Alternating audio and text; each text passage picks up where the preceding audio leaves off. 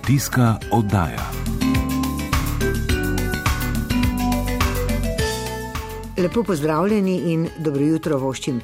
Današnjo oddajo namenjamo Mednarodnemu letu sadja in zelenjave, ki ga je na pobudo Organizacije Združenih narodov za prehrano in kmetijstvo razglasila Generalna skupščina Združenih narodov. Združeni narodi namreč želijo s tem povdariti pomen sadja in zelenjave za zdravje in razvoj, opozoriti na škodo, ki jo delamo z odpadno hrano, hkrati pa uspodbuditi večjo odločnost v smeri promocije pravičnejšega, trajnostnega in bolj učinkovitega prehranskega sistema. Naš sogovornik je ministr za kmetijstvo, gozdarstvo in prehrano, dr. Jože Podgoršek. Torej, lansko leto je bilo mednarodno leto zdravja rastlin, letošnje leto pa je Generalna skupščina Združenih narodov namenila letu sadja in zelenjave. Eh, gospod minister, eh, morda vaše mnenje, eh, zakaj prav sadju in zelenjavi? Ja, menim, da je ta odločitev v bistvu zelo povezana s prehranskimi navadami v celotnem svetu. Sadje in zelenjava vendarle predstavlja tisti temelj zdrave prehrane. Eh, naj bi vsak prebivalec eh, zaužil vsaj 400 gramov sadja, svežega sadja ali zelenjave na dan za neko zdravo prehrano, eh, s čimer bi se, se, se lahko izognemo mrsikateri akutni ali kronični bolezni. In menim, da je to pomembno sporočilo, ki ga praktično namenjamo temu sektorju sadja in zelenjave in tudi predvsem potrošnikom za promocijo uživanja sadja, zelenjave in pa predvsem zdravega prehranjevanja. Ciljev mednarodnega leta sadja in zelenjave je kar eh, nekaj, med drugim seveda tudi eh, spodbujanju trajnostne porabe in predelave sadja in zelenjave s ciljem prispevati k trajnostnim prehranskim sistemom. Kako je z sadjem in zelenjavo za Slovenijo? Zdi se, da niso podatki prav opogumljajoči, kar zadeva konzumacije eh, sadja in zelenjave, kaj pa glede pridelave? Vemo, da prav sadje in zelenjava sta nekako na repu v pridelavi v Sloveniji. Ja, drži. Eh, v Sloveniji po, po podatkih, ki jih imamo, na leto zaužijemo okoli 110-115 kg zelenjave in 75 kg svežega sadja, kar v bistvu ni tako malo oziroma ne rabimo ravno zardevati ob teh podatkih. Je pa drug podatek, ki je pa bolj problematičen tudi z vidika razvoja politike, kmetijske politike, um, je pa pridelava samega sadja in zelenjave. Drži, da smo še preslabo samo skrbni. Delamo tudi zaradi nekako zgodovinskega razvoja kmetijstva v uh, naši državi, še iz časa nekdanje Jugoslavije, kjer je bila Slovenija tradicionalna živnorejska republika, če tako, lahko tako rečemo. No, in tudi eh, seveda danes pogoji za pridelavo sadja in zelenjave niso kaj bistveno drugačni, kot so bili še v tistih starih časih. In torej ti pogoji so tisti, ki omejujejo samo pridelavo. Zato bomo tudi mi eh, že sedaj in tudi v naslednjem programskem obdobju poskušali čim bolj eh, povečati odpornost pridelave sadja in zelenjave tudi na podnebne vplive, kot so namakanje mreže proti toči, sistemi proti pozebi, izgradnjo rastlinjakov, uporabo geotermije za, za izvensezonsko pridelavo zelenjave, v katerem smo res, res šipki. Eh, medtem ko v sami sezoni pridelamo zelenjave bolj ali manj v večjem delu dovolj, praktično tistih nekaj mesecev sezone imamo slovenske zelenjave precej na razpolago, eh, ampak je ta sezona prekratka in zato je potrebno delati na teh investicijah, na kmetijskih gospodarstvih, na kmetijah, da se poveča ta odpornost in trajnost.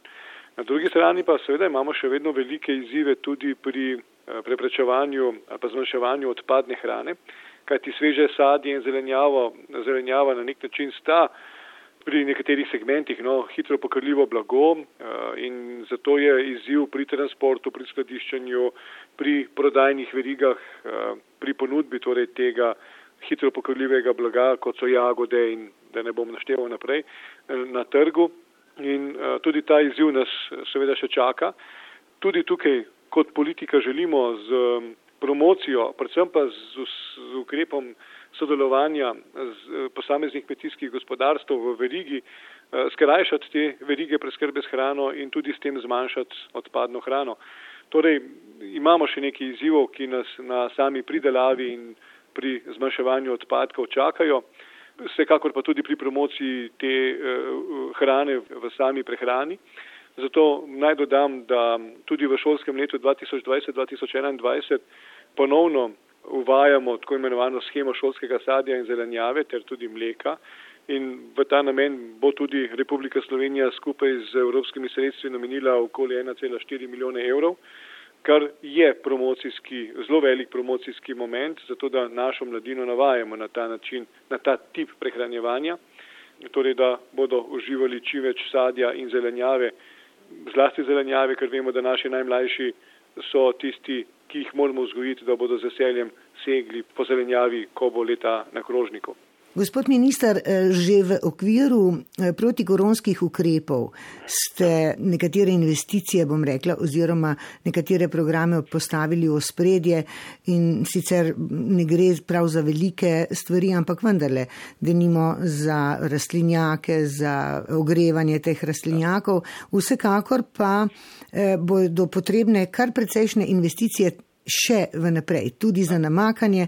Vemo, da nimo, da vogršček, eh, sanacija vogrščka je čakala kar že skoraj da dve desetletji, vendarle se je začela. Morda lahko konkretno poveste, v katero smer pravzaprav eh, boste peljali to politiko, vezano seveda tudi na investicije. Zagotovo v smeri, kot si jo tudi že sama napovedala. E, še več investicij na kmetijska gospodarstva, ker s tem bomo dvigali odpornost kmetijskih gospodarstv ali pa e, prilagodljivost na različne vremenske e, neprilike, vendarle podnebje se nam spreminja, imamo vse več sušnih obdobij, imamo vse več težav s pomladansko pozebo, s točo, torej nepredvidljivimi vremenskimi pojavi in s temi ukrepi bomo morali zagotovo nadaljevati. Eh, naj omenim, da smo tudi za to programsko obdobje, kljub temu, da se praktično končuje v osmi spremembi programa razvoja podeželja v lanski jeseni, že dvignili, eh, povečali delež sofinanciranja za ravno te okoljske uh, ukrepe, kot so namakanje mreže proti toči, proti pozemne zaščite in za rastlinjake, v nekaterih primerjih tudi do 90-procentno uh, sofinanciranje. Iz prej največ 70 odstotkov. Ravno tako smo povečali tudi sredstva pri tej spremembi programa razvoja podeželja na teh ukrepih za investicije v, v rastlinjake in te eh, ukrepe, kot smo jih že omenila. Eh, tudi protikoronski paketi veljajo še za celo leto 2021, torej hitrejši postopki za pridobivanje ustreznih dovoljenj za gradno rastlinjakov, potem tudi sofinanciranje izgradnje reinjecijskih vrtin za geotermijo, torej za to, da vodo, ki ji vzamemo samo energijo, vrnemo nazaj v območje, odkud smo jo črpali, s tem se bistveno poveča uh, možnost črpanja te toplote, ne, nimamo več okoljskih oziroma težav s pridobivanjem dovoljen za večje, večjo rabo te energije iz te tople vode. In zato smo tudi s temi protikoronskimi ukrepi za leto 2020 in 2021 pristopili na pomoč, eh, zato da bomo vendarle naredili tudi ta sektor bolj odporen za, bomo rekli, naslednja desetletja, ki so pred nami. Tudi v naslednjem programskem obdobju nas čakajo investicije za izgradnjo namakalnih sistemov, za uh, odgovor na spreminjajoče se podnebje.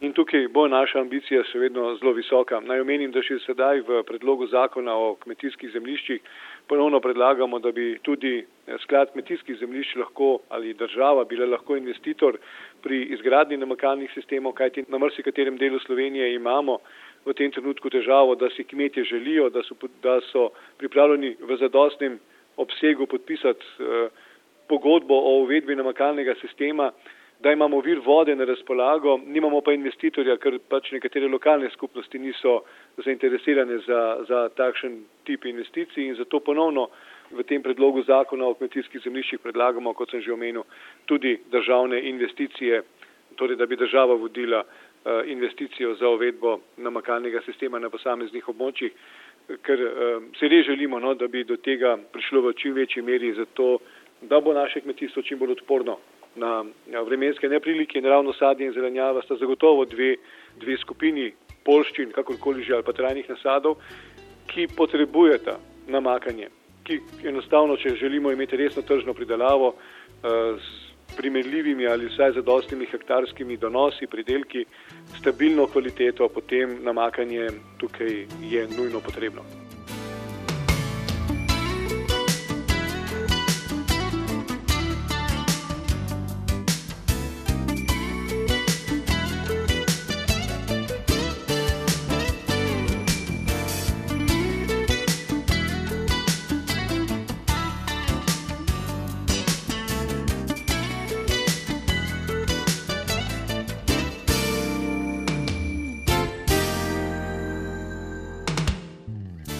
Eden problemov, ki se stalno pojavlja, je seveda so zavarovalne premije oziroma problem zavarovanj.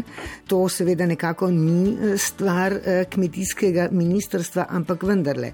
Ali tudi v tej smeri eh, nekako olajšati kmetom, iti v nek dogovor, se pogovoriti z zavarovalnicami, da bi bili ti pogoji boljši in da bi se kmetje, pridelovalci odločali za zavarovanje.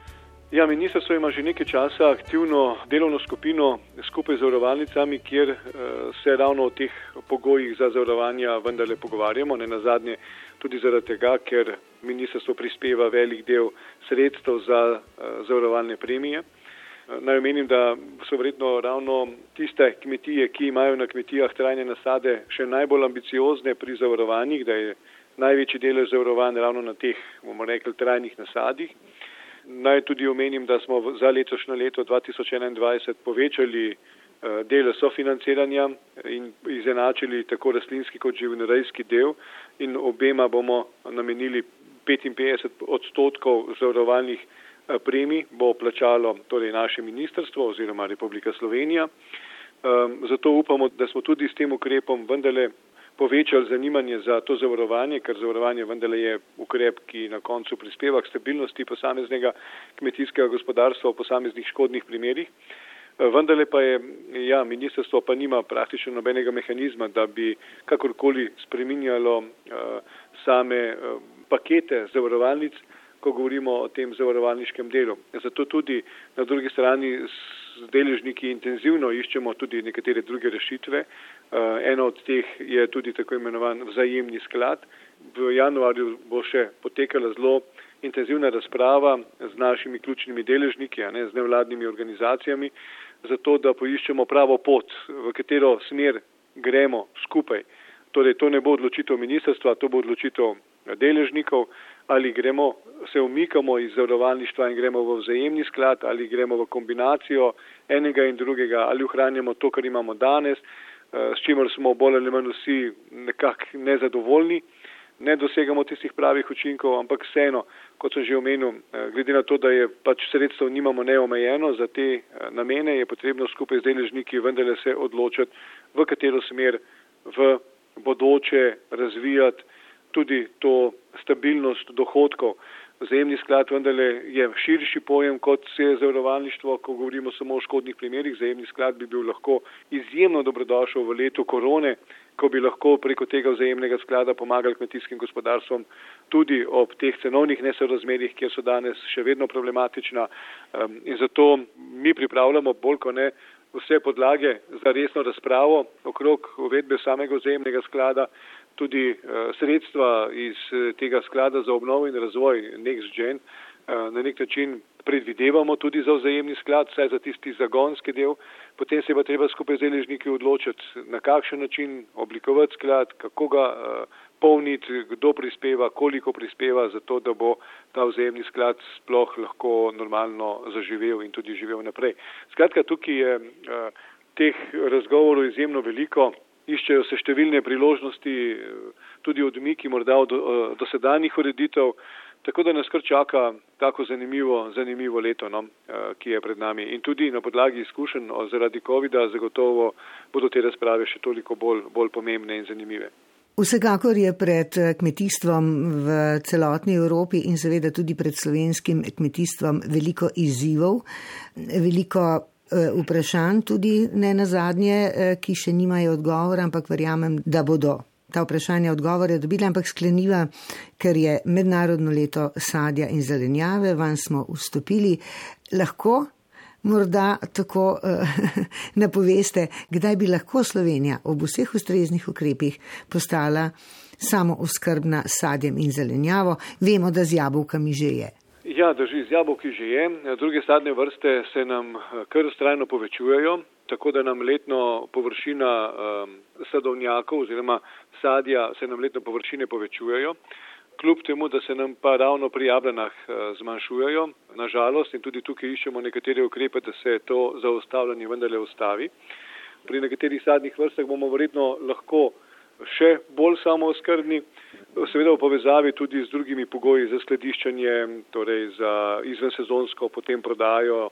Tukaj vemo, da nekatere tudi sadne vrste so izrazito sezonskega značaja, še posebej jagodičovje, ki ga težko nekako skladiščimo in v teh primerjih bomo verjetno težko samo skrbni v celotnem delu leta.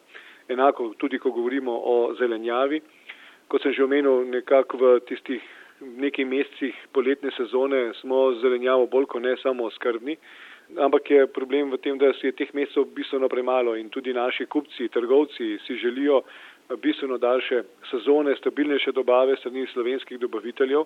In tukaj pa zagotovo nas čakajo točno te investicije, o katerih smo prej govorili in tudi še boljše sodelovanje teh eh, pridelovalcev in oblikovanje teh verig v verigi preskrbe s hrano, torej sodelovanje pridelovalcev živilsko-predelovalnega sektorja, trgovskih verig, eh, zato da bomo eh, vendarle imeli tudi malo bolj stabilno pridelavo z manjšimi, z manjšimi tržnimi tveganji, ne?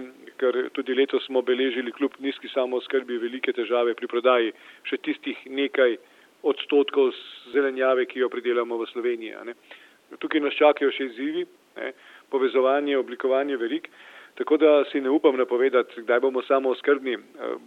Verjetno, če se pa vrnemo še malo v našo zgodovino, bi pa k samo skrbi eh, tudi v tem izasezonskem času predvsej prispevala tudi nekdanja sezonska eh, prehrana oziroma nekdanje sezonske prehranjevalne navade, da ne bomo jedli vse čas ne, jagode in paradižnik, če pa, če pa vendarle imamo tudi slovensko kislo zelje, kislo repo in še kaj, kar pač v tem obdobju imamo na razpolago in je tudi pomemben vir vitaminov in mineralov, ki jih naše telo tudi v tem zimskem času potrebuje. Tako da Eh, verjetno eno z drugim. Eh, povečanje investicij, morda tudi kakšna sprememba prehranskih navad, eh, nazaj v, recimo v preteklost, sezonskost prehranjevanja bo verjetno dvignilo, lahko dvignilo našo, našo samo skrbo. Zagotovo pa tudi, če govorimo o paradižniku in tem našem najnaprednejšnjem pridelovalcu, lahko trdimo, da tudi Eh, ne, v, v prekmurju nimamo paradižnika 365 dni na leto, kljub uporabi geotermije, najsodobnejših pridelovalnih postopkov, eh, ampak tudi ta pridelava rabi svoj čas, ne, ko se stara zaključi in nova začne. Tako da eh, v tem izvensezonskem obdobju imamo verjetno veliko zaderegov, da bomo enkrat lahko rekli, da smo povsem samo skrbni. Medtem ko v sezoni in pa podaljševanje sezone, tukaj pa menim, da imamo veliko izzivov, ki so rešljivi in ki jih bomo mogli tudi skupaj z ukrepi Eh, na nek način pospeševati in motivirati naše pridelovalce za, za te investicije in potem tudi za oblikovanje tržnih verig, zato da bo tudi ta zelenjava na koncu prodana. Zelo se strinjam z vami, gospod minister, da bi morda pri prehranjevalnih navadah stopili korak nazaj in ne jedli jagod eh, sredi zime, ampak jedli ja. kislo zelje. Eh, za zaključek morda samo še dve besedi o tem, kje vidite primorsko v tem kontekstu? Zagotovo Primorska je ena od pomembnih pridelovalnih območij, ki omogoča izven sezonsko pridelavo zelenjave. Imamo tudi odličen primer res dobre prakse ki, in bi si želeli, da bi se ta praksa iz agrarije Koper prenesla še kam drugam v Sloveniji, eh, ko so vendarle pridelovalci povezani, ko skupaj nastopajo na trgu, obladujejo tudi en del trga uh, horeke in tudi javnih prehranskih obratov. In to so tisti indici, ki dokazujejo, da vendarle moramo iti v smeri povezovanja in sodelovanja. In pa tudi na primorskem seveda uh, bi si pa želeli še malo več eh, ambicije pri tej izvensezonski pridelavi, ker imamo samo nekaj pridelovalcev, ki se tega res lotevajo na ta pravi tržni način in ker pogoji so ne, res odlični, bi si upal trditi, takoj za primorsko je bela krajina, ne, kjer pa imamo težave potem z vodo in tako naprej. Ampak primorska ima pomembno mesto pri pridelavi zelenjave, eh, ker so klimatski pogoji najboljši za zelenjadarstvo in v enem delu tudi za, za sadjarstvo. Gospod minister, najlepša hvala za tale izčrpen pogovor in eh, kot pravimo, naj vaše besede postanejo meso.